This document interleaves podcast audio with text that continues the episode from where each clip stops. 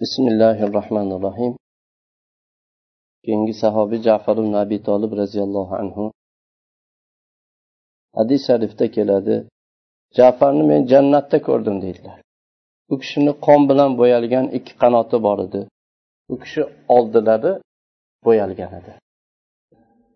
Jafar roziyallohu anhu shahid bo'lganlarida butun jarohatlari hammasi oldilaridan edi. Shu oldinga tashlanib orqaga qaytmasdan shunday shahid bo'lgan edilar. Qurayshlardagi ulug' qabilalardan qavmlardan bani abdumannof qabilasi. Bani abdumannof qabilasini ichida besh kishi bor edi. Juda qattiq rasululloh sollallohu alayhi vasallamga o'xshagan kishilar bor edi. Turishlari hatto ba'zi ko'zlari zaifroq bo'lgan kishilar ko'rib rasululloh sollallohu alayhi vasallam deb aralashtirib qo'yadigan darajada o'xshash besh kishi bor edi. Albatta bu besh kishi payg'ambarimiz sollallohu alayhi vasallamga o'xshaydigan bu besh kishini bilishlikka hammamiz ham yaxshi ko'ramiz kimlar bu zotlar. Keling ular bilan tanishamiz. Bular abu sufyon ibn horis ibn abdul muttalib. Ya'ni abdul muttalibni o'g'illari horisni rasululloh sollallohu alayhi vasallamni amakilari horisni rasululloh sollallohu alayhi vasallamni otalari abdullohni akalari horisni o'g'li abu sufyon ibn horis rasululloh sollallohu alayhi vasallamga juda o'xshash. Keyin bu kishini yoshlari ham teng edi teng quradilar. Shunday o'xshash kishi edi. Va yana rasululloh sollallohu alayhi vasallamni amakilarini o'g'li bu kishi yana emikdosh ham akalari ham. Ya'ni bir onani emganlar. Halimatu sadiyani abu sufyon ibn horis ham emganlar ikkinchisi abbos ibn abdul muttalib. Abbos ibn abdul muttalib rasululloh sollallohu alayhi vasallamni amakilari abbos roziyallohu anhuni bir qusam degan o'g'illari bor edi. Bu ham mana rasululloh sollallohu alayhi vasallamga amakivachcha bu kishi ham rasululloh sollallohu alayhi vasallamga o'xshash edi. Keyin soib ibn ubayd ibn abduyazid ibn hoshim bu imom shofiy roziyallohu anhuni bobolari. Imom shofiy rahimaullohni bobolari ham rasululloh sollallohu alayhi vasallamga shunday o'xshash edilar to'rtinchisi hasan ibn ali rasululloh sollallohu alayhi vasallamni nabiralari. Ali roziyallohu anhuni o'g'illari hasan roziyallohu anhu endi bu kishi rasululloh sollallohu alayhi vasallamga bu beshta o'xshaganlarni ichida yana ham o'xshashrog'i bu kishi edilar. Keyin jafar ibn abi tolib bu amirul mo'minin ali ibn abi tolib roziyallohu anhuni akalari rasululloh sollallohu alayhi vasallamni amakivachchalari bu kishi ham rasululloh sollallohu alayhi vasallamga o'xshaganlarni bittasi edilar. Keling jafar roziyallohu anhuni hayotlaridan bir ko'rinishni qissamizda ko'rib chiqaylik. Abu tolib rasululloh sollallohu alayhi vasallamni amakilari. U kishini sharafi qurashlar ichida shunday ulug' bo'lishiga qaramasdan qavmi ichida u kishini obro'si nihoyatda yuksak bo'lishiga qaramasdan ozgina faqir va bola chaqalari ko'p edi keyin bir qurg'oqchilik ocharchilik yili bo'lganligi shu ocharchilik sababli u kishini ahvoliga holatini yomonligiga yomonlik yana qo'shildi. Bir yili shunday kurashlarga bir ocharchilik bu risolatdan ilgari ya'ni qattiq bir ochlik qahatchilik yili edi. Abu tolibni farzandlari ko'p edi. U kishi qiynalib qoldi. Bu yilda bu ocharchilikda chorvalar halok bo'ldi. Dehqonchiliklar bo'lmadi. Odamlar ochlikni qattiqligidan eski suyaklarni topib yeyishga majbur bo'lishadi. Shunday bir og'ir ocharchilik bo'ldi. Banu hoshimda o'sha kunda muhammad ibn abdulloh sollallohu alayhi vasallam va amakilari abbos roziyallohu anhudan ahvollari bemalolroq ya'ni yetarli boyroq kishi yo'q edi. Shunda muhammad sallallohu alayhi vasallam abbos roziyallohu anhuga ey amaki akangiz amakim abu tolib bola chaqasi ko'p dedilar. Mana odamlarga siz ko'rib turgan og'ir qahatchilik ochlikni mashaqqati yetib turibdi. Yuring borib u kishini ba'zi farzandlaridan bu ahli ayolidan ba'zisini biz o'zimizni tarbiyamizga olaylik. Siz bir o'g'lini oling men bir o'g'lini olay dedilar. Biz bu amakimni ahvoliga biz kifoya qilaylik yordam qilaylik dedilar. Shunda abbos roziyallohu anhu bir yaxshilikka chaqirding bir ezgulikka tezlading to'g'ri aytasan yur dedilar. Ikkalalari bordilar abu tolibni oldiga borib aytdilarki biz sizdan bu siz ko'tarib turgan yukni biroz yengillatishlikni xohlaymiz. Mana bu mashaqqat odamlarga yetib turgan qiyinchilik ketgungacha sizga bir yordam bo'lsin. Shunda abu tolib bu ikkalalariga qarab aytdiki shu farzandlarimni kattasi aqilni menga qoldirsanglar xohlaganinglarni olinglar nima istasanglar qilinglar. Shunda muhammad sallallohu alayhi vasallam ali roziyallohu anhuni olib ketdilar. Abbos roziyallohu anhu jafarni olib jafarni o'zini bola chaqasiga qo'shib katta qila boshladilar. Bu kundan boshlab ali roziyallohu anhu muhammad sallallohu alayhi vasallam bilan birga bo'ldilar. To rasululloh sollallohu alayhi vasallamni haq din bilan hidoyat dini bilan alloh taolo payg'ambar qilib yuborgungacha u kishi bilan birga davom etdilar. Va yoshlardan yosh bolalardan birinchi iymonga kirgan ali ibn abi tolib roziyallohu anhu bo'ldilar. Jafar esa o'zlarini amakilari abbos bilan birga bo'ldilar. U kishi katta bo'ldilar yigit bo'ldilar islomni qabul qildilar va o'zlari ham bemalol bo'lib abbos roziyallohu anhudan behojat bo'ldilar jafar ibn abi tolib bu nur karvoniga u kishi va u kishini yosh ayoli asmo binti umays yo'lni boshidanoq bu karvonga qo'shilishdi. Ya'ni avvalda islomni qabul qilib islomga kirdilar. Abu bakr siddiq roziyallohu anhuni yana rasululloh sollallohu alayhi vasallam bu dorul arqamga kirishlaridan oldin abu bakr siddiq roziyallohu anhuni da'vatlari bilan u kishini qo'llarida islomni qabul etgan edilar. Bu hoshimiy yigit va bu kishini yosh ayoli qurayshlarni ozori qurayshlarni azobidan shu avvaldagi musulmonlar ko'rgan azob mashaqqat qiyinchiliklarni ular boshdan kechirdilar. Ular ozorlarga sabr qildilar. Chunki jannat yo'li tikonlar bilan to'shalgan makorih nafsga yoqmaydigan narsalar bilan o'ralgan ekanligini ular yaxshi bilardilar. Lekin bu yerda bu bularni va bularni iymon birodarlarini olloh yo'lidagi birodarlarini yana ham doim bularga mashaqqat bo'lgan narsa quraysh doim ularni islom shiorlarini ado etishlik qarshisida to'sqinlik qilar edi. Va ibodat lazzatini totib u bilan zavqlanishdan mahrum qilar edi. Doimo quraysh mushriklari bularga kuzatuvda edi. Hech bir o'rinni qoldirmasdan bularni ibodatdan man qilar edi ozor berar edi azob berar edi. Shu vaqtda jafar ibn abi tolib rasululloh sollallohu alayhi vasallamdan ayollari bilan va sahobalardan bir jamoa bilan habasistonga hijrat qilishlikka izn so'radilar. Rasululloh sollallohu alayhi vasallam juda g'amgin bo'lib undan qattiq bir tashvishga tushib rasululloh sollallohu alayhi vasallam izn berdilar. Bunday pok zotlarni o'zlarini diyorlaridan judo bo'lishlari judo bo'lishlikka majbur bo'lishliklari rasululloh sollallohu alayhi vasallamga juda mashaqqat og'ir edi.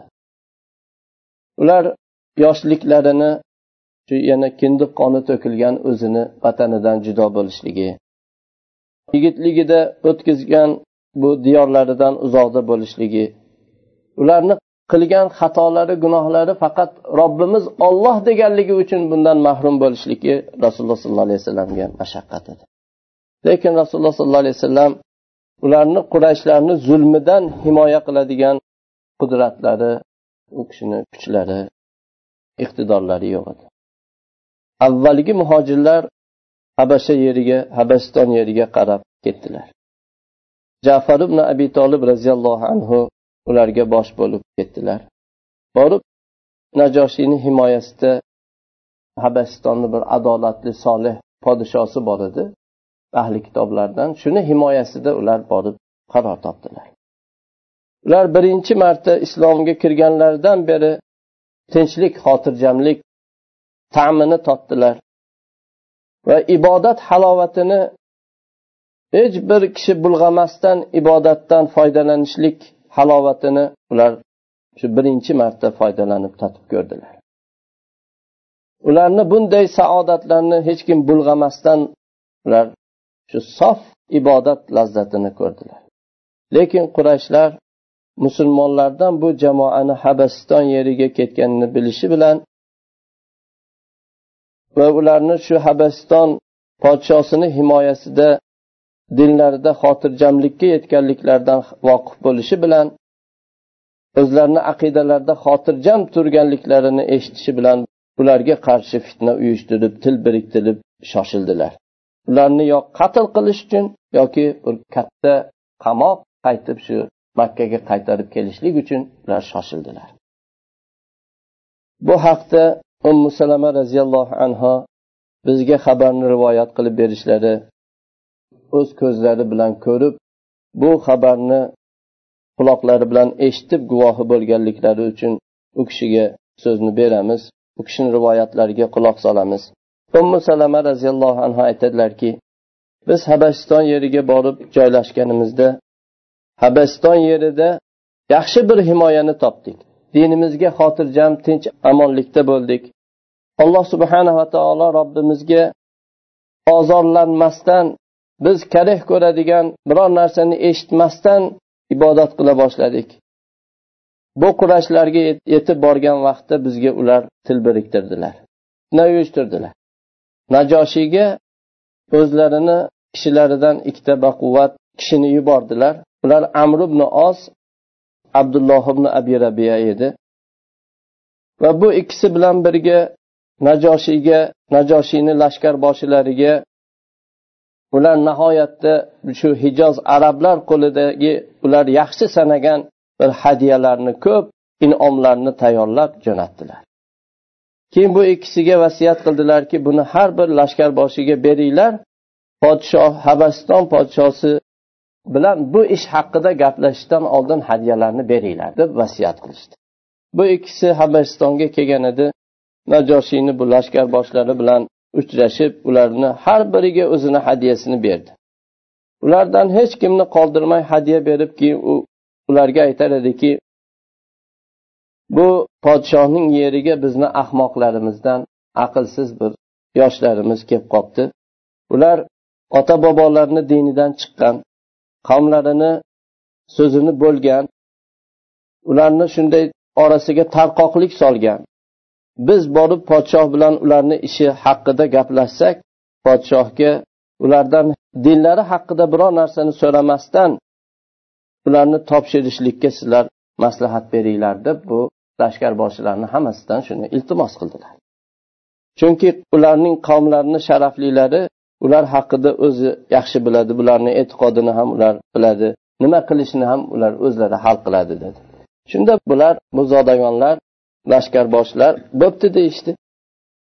Umi salama aytadilarki amr bilan uni sherigiga najoshiy bizlardan bittamizni chaqirib uni so'ziga quloq solishligidan ko'ra karihroq ular yoqtirmaydigan narsa shunday qilmasinda ish qilib deb shuni xohlamas edilar keyin ular najoshiyni oldiga keldilar.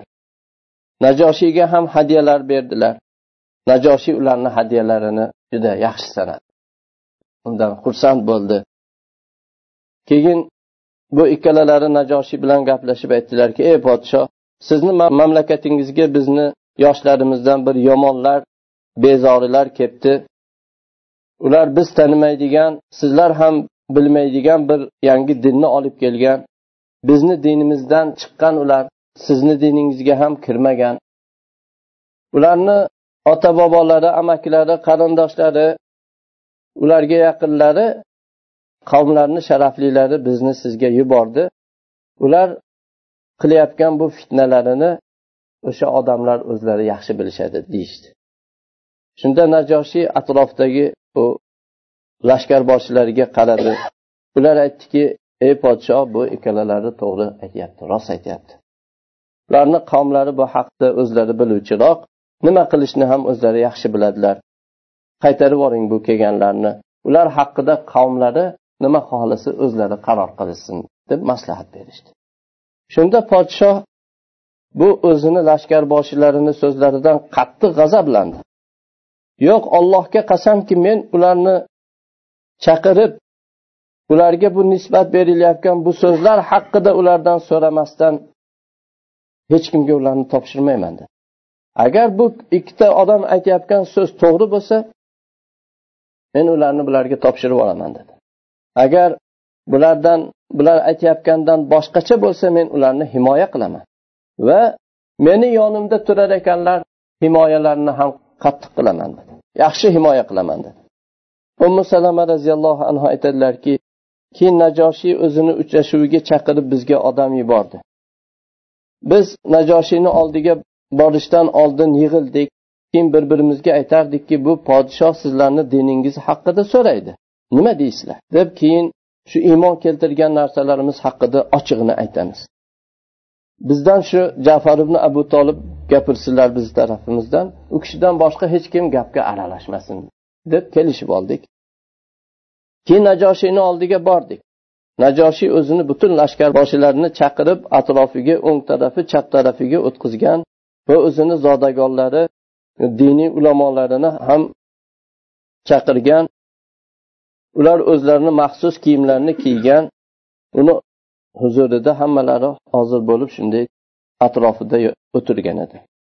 Biz uni oldida amr ibn os bilan abdulloh ibn abi rabia ya'ni qurayshlarni yuborgan ikkita elchisini ham topdik. Hammamiz borib u yerda joylashgandan keyin bizga najoshiy qaradi. Bu sizlar yangi o'zinglarga paydo qilgan din nima dedi. Bu din bilan qavmingizni dinidan ajralibsiz va meni dinimga ham va boshqa bu hozirda bor millatlarni birortasini diniga kirmabsiz. Qanday bu din dedi. Shunda jafar ibn abi tolib oldinga chiqdilar. Kishi aytdiki ey podshoh biz bir johiliyat ahli bo'lgan xalq edik. Butlarga ibodat qilar edik. O'laksalarni yer edik. Buzuq ishlarni qilar edik. Qarindosh urug'chilikni tamom uzib tashlagan edik. Qo'shnilarga yomonlik qilar edik. Bizlardan kuchlilar zaiflarni yer edi. Ya'ni zulm qilar edik bir birimizga mana shu holatda davom etdik. Alloh taolo biz nasablarini bilgan sodiqligini bilgan pokligini bilgan omonatdorligini bilgan bir ichimizdan bir kishini alloh taolo bizga payg'ambar qilib yubordi. Bu payg'ambar bizni ollohni yakkalab ollohni o'ziga ibodat qilib va ollohdan boshqa ota bobolarimiz ibodat qilib kelgan bu toshlar sanamlarni tark qilishlikka bizni chaqirdi. Bizni rost gapirishlikka omonatni ado etishlikka qarindoshlar bilan bog'lanishga yaxshi qo'shnichilikka buyurdi. Haromdan tiyilishga nohaq qon to'kishdan tiyilishga buyurdi. Bizni fahsh buzuq ishlardan qaytardi yolg'on bo'xton so'zlardan qaytardi. Yetimlarni molini yeyishdan aybsiz pokiza ayollarga tuhmat qilishlikdan bizni qaytardi. Bizga shirk keltirmasdan biror narsani shirk keltirmasdan yolg'iz ollohni o'ziga ibodat qilishlikka buyurdi. Namozni qoim qilish zakotni berish ramazon oyida ro'za tutishga buyurdi. Biz u kishini tasdiqladik.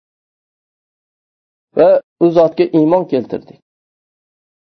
U kishi alloh taoloni huzuridan olib kelgan narsaga ergashdik.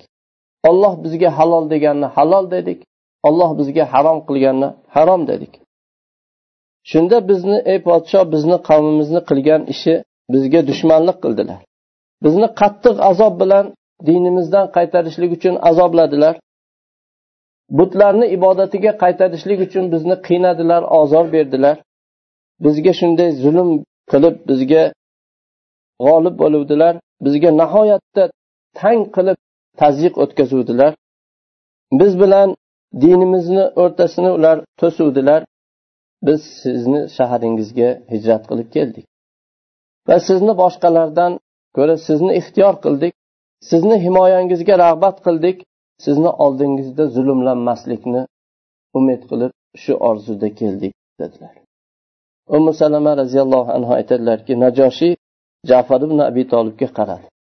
Bu payg'ambaringiz alloh taolo tarafidan olib kelgan vahiydan biror narsa senda bormi dedi jafar ha dedilar menga o'qi dedi jafar o'qidilar auzu billahi minash shaytonir rojim ya'ni maryam surasini avvallaridan kaf ha ya ayn sod ذكر رحمة ربك عبده زكريا إذ نادى ربه نداء خفيا قال رب إني وهن العظم مني واشتعل الرأس شيبة ولم أكن بدعائك رب شقيا bu robbingizni o'zini bandasi zakariyoga zakariyo alayhissalomga qilgan rahmatini zikridir zakariya robbilariga maxfiy duo qildilar ya'ni ixlos bilan hech kim yo'q o'zlari shu sirran maxfiy duo qildilar aytdilarki ey robbim meni jasadim zaiflashib qarib qoldi. Sochim oqarib qarilik kelib qoldi. Men senga duo qilsam sen duolarimni ijobat qilar eding. Senga duo qilishlik bilan hech bir men baxtsiz bo'lmadim degan oyatlarni o'qidilar. Hatto surani shu boshidan bir qismni tamomlagan edilar. Ummu salama roziyallohu anhu aytadilarki najoshiy yig'ladi. Soqoli ko'z yoshi bilan ho'l bo'lgan edi. Uni atrofidagi bu din arboblari ham yig'ladilar. Oldilariga ochib turgan kitoblarini ho'l qildilar. Ollohni kalomini eshitib shunday yig'lar edilar. Shu yerda najoshiy aytdiki bu sizlarni payg'ambaringiz olib kelgan va iso alayhissalom olib kelgan bu nur bir chiroqdan chiqib keladi dedi. Keyin amirga uni sherigiga qarab ularga aytdiki sizlar ketinglar. Allohga qasamki men bularni sizlarga hargiz topshirmayman. Ummu salama roziyallohu anhu aytadilarki biz najoshiyni oldidan chiquvdik. Amr ibn os bizga tahdid qildi. Sherikka qarab aytdiki ertaga podshohni oldiga kelaman podshohga bularni ishlaridan podshohni qalbiga ko'ksiga g'azabni to'ldiradigan bularga tamoman nafratni qalbiga to'ldiradigan ishlari bor buni men zikr qilaman dedi. Va podshohni bularni tag tomiri bilan sug'urib yo'qotishiga majbur qiladigan gapni gapiraman dedi. Shunda abdulloh ibn abi rabia bu amirni sherigi unga ey amir bunday qilma. Ular bizni qarindoshlarimiz bizga yaqin odamlar bular ham agar dinimizda bizga qarshi bo'lgan bo'lsalar ham dedi. Amir aytdiki yo meni o'z holimga qo'y dedi. Allohga qasamki men ularni qadamlarini zilzilaga soladigan bir xabarni podshohga xabar beraman dedi. Podshohga men ularni iso ibn maryam qul deb aytyapti deb ertaga gapiraman dedi. Ertasi bo'luvdi amir najoshini oldiga kirgan ekan va najoshiyga ey podshoh bu sen joy bergan sen himoya bergan kishilar iso ibn maryam haqlarida juda og'ir bir gapni gapiradi. Ularga odam yubor ulardan u kishi haqida nima deyishlari haqida savol qil so'ra dedi. Umi salama roziyallohu anhu aytadilarki biz bu buni bilgan vaqtimizda bizga bir tashvish tushdi. Qattiq g'amga tushdik. Biz bunga o'xshagan tashvishga hech to'g'ri kelmagan edik shunda bir birimizga aytardikki endi iso ibn maryam haqida podshoh so'rasa nima deymiz? Aytdikki biz iso alayhissalom haqlarida alloh taolo nima degan bo'lsa shuni aytamiz va bu ishdan bir barmoq uchicha ham biz qaytmaymiz. Shu to'g'risini aytamiz. Payg'ambarimiz sollallohu alayhi vasallam olib kelgan narsani aytamiz. Bundan keyin nima bo'lsa bo'lsin to'g'risini aytamiz dedik. Najoshi chaqiruvdi najoshini oldiga kirdik. Yana uni oldida lashkar boshilari biz oldin ko'rgan holatda hammalari yig'ilib o'tiribdi. Amr ibn osni sherigini ham u yerda topdik. Podshohni oldida bo'luvdik bizga shoshilib sizlar iso ibn maryam haqida nima deysizlar deb so'radi. Shunda jafar roziyallohu anhu aytdilarki biz iso alayhissalom haqlarida payg'ambarimiz sollallohu alayhi vasallam aytgan so'zni aytamiz dedi. Najoshiy payg'ambaringiz nima deydi deb so'radi. Jafar aytdilarki rasululloh sollallohu alayhi vasallam u kishi haqlarida iso ollohni bandasi va ollohni rasuli deydi. Ollohni ruhi olloh yaratgan ruh ollohni kalimasi bu bokira turmush qilmagan pokiza maryamga alloh taolo uni tushirgan ollohni kalimasi deb javob berdi. Najoshiy bu jafarni so'zlarini eshitgan vaqtda qo'li bilan yerni shunday urdi. Keyin aytdiki iso ibn maryam sizni payg'ambaringiz olib kelgan narsadan qil miqdoricha ham boshqacha emas dedi. Shundan tashqari emas dedi. Shunda bu lashkar boshilari najoshiyni atroflaridagilar najoshiydan eshitgan so'zni inkor etib undan nafratlanib deb shu qirillab yuborishdi najoshiy ularga qarab turib qirillasanglar ham shu dedi. Keyin burilib dediki sizlar boringlar sizlar tinch amonsizlar dedi. Bemalol yashanglar dedi musulmonlarga allohga qasamki meni bir tog'cha oltinim bo'lsa sizlarni birortangizga bir yomonlik tegishini men yaxshi ko'rmayman dedi. Keyin amirga va uni sherigiga qaradi. Mana bu ikkita odamni hadyalarni qaytarib beringlar. Uni menga keragi yo'q dedi. Ummu salama aytadilarki amir va uni sherigi shunday noumidlik bilan mag'lub bo'lib shunday siniq holatda najoshiyni oldidan chiqib ketishdi.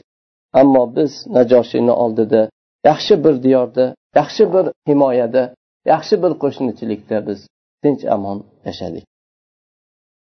Jafar ibn abi tolib va u kishining ayollari bu najoshiyni himoyasida o'n yilcha tinch omon xotirjam u yerda turdilar. Hijratni yettinchi yillari edi. Habasha yerini tashlab bir jamoa musulmonlar bilan madinaga qarab ketdilar. Rasululloh sollallohu alayhi vasallam haybar jangidan shu qaytib kelayotganlarida yahudlar ustidan shu oxirgi yahudlarni qarorgohidan katta g'alaba bilan qaytib kelayotgan vaqtlarida alloh taolo bu haybarni fath qilib ularga ochib beruvdi. Shunda jafar roziyallohu anhu yetib keldilar. Rasululloh sollallohu alayhi vasallam jafar bilan uchrashganlaridan qattiq xursand bo'ldilar. Hatto aytardilarki man bu ikki narsani qaysi biri bilan xursand bo'lishimni bilmayman. Haybarni fathi bilanmi yoki jafarni kelganligidanmi? dedilar. Musulmonlarni ommalarini va xossatan musulmonlardan faqir miskinlarni jafarni qaytishlari bilan quvonchlari ham bu rasululloh sollallohu alayhi vasallamni xursandchiliklaridan ozmas edi. Jafar ibn abi tolib zaiflarga nihoyatda mehribon ularga ezguligi yaxshiligi ko'p kishilardan edilar hatto jafarni laqablari abul masokin edi. Miskinlar otasi deb laqablangan edilar. Abu hurayra roziyallohu anhu bu haqda xabar berib aytadilarki jafar bizga abu hurayra ahli sufalardan faqir bo'lgan sahobiylar jafar bizga nihoyatda odamlarni eng yaxshilaridan edi. Bizni uyga olib borar edi. Uyda nima bo'lsa u bilan taomlantirar edi.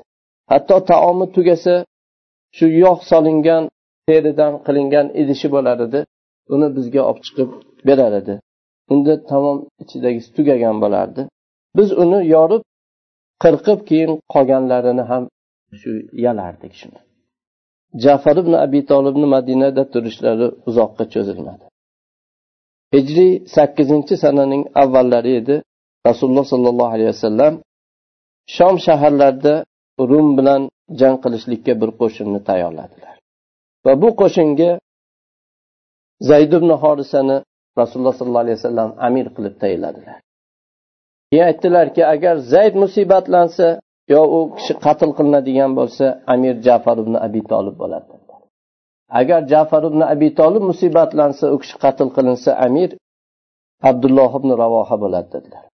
Agar abdulloh ibn ravoha ham qatl qilinsa unda musulmonlar o'zlariga bir amirni tayinlaydilar dedilar. Musulmon qo'shinlari mo'taga yetib borgan vaqtda bu urdundagi shomning yuqori qismida joylashgan bir diyor. Shu mo'taga yetganlarida rumlar bularga yuz ming askar bilan rum tayyorlanib kelgan edi. Bu rumga qarashlik bo'lgan atrofdagi arab nasorolaridan lahm juzom qudoa va bulardan boshqa rum qo'l ostidagi qabilalardan yuz ming askar yana tayyorlanib bunga qo'shilgan. Yana bular ikki yuz ming ammo musulmonlar askarlari uch ming kishi edi. Bu ikkita jamoat bir biri bilan urushda to'qnashgan vaqtda qattiq bir jang tegirmoni aylanib turgan vaqtda zayd ibn horisa oldinga borib orqaga qaytmasdan shahid bo'lib yiqildilar. Shunda jafar ibn abi tolib shoshilib turib bayroqni oldilar. otlaridan tushdilar otlarini dushmanlar bu kishidan keyin foydalanmasligi uchun qilichlari bilan shunday so'yib tashladilar bayroqni olib rumlar safiga mana shu she'rni o'qib kirib ketdilar يا حبذا الجنة واقترابها طيبة وبارد شرابها والروم روم قد دنا عذابها كافرة بعيدة أنسابها علي إذ لاقيتها ضرابها deb jangga kirdilar eh jannat qanday ham yaxshi dedilar jannatni yaqin bo'lganligi shunday xushbo'y va uni sharoblari ichimliklari sovuq bo'lgan holatda yaqin kelganligi qanday ham yaxshi dedilar rum shu rumdir kofir bo'lib nasablari uzoq bo'lib azobi yaqinlashgan rumdir men rumlarga uchrasam ularni urishlik menga lozimdir degan she'rni o'qib keldilar. Dushman saflarida hujum qilib qilichlari bilan hujum qilib ularga tashlanib u kishi jang qilib davom etdilar. Hatto u kishiga bir zarba yetib o'ng qo'llari kesildi. Bayroqni chap qo'llariga oldilar. Ko'p o'tmay chap qo'llari ham kesildi. Shunda bu bilak qismi bilan bayroqni olib ko'kraklariga bosib jangga kirdilar. Ko'p o'tmay uchinchi zarba ham yetdi u kishini ikki bo'lakka bo'lib tashlashdi. Bayroqni abdulloh ibn ravoha oldilar. U kishi ham jang qilib bu ikki sheriklariga yetishib oldilar. Rasululloh sollallohu alayhi vasallamga bu uchta lashkar boshilarining halokatlari xabari yetgan vaqtda rasululloh sollallohu alayhi vasallam juda qattiq ularga g'am chekdilar. Og'ir bir tashvish bo'ldi. Shunda rasululloh sollallohu alayhi vasallam bu amakilarining o'g'li jafar ibn abi tolibni uylariga bordilar.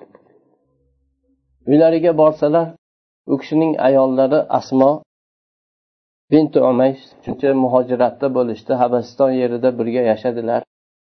Bu ayol bu yo'q ketgan safarga ketgan ellarini kutib olishlikka tayyorgarlik ko'rardilar.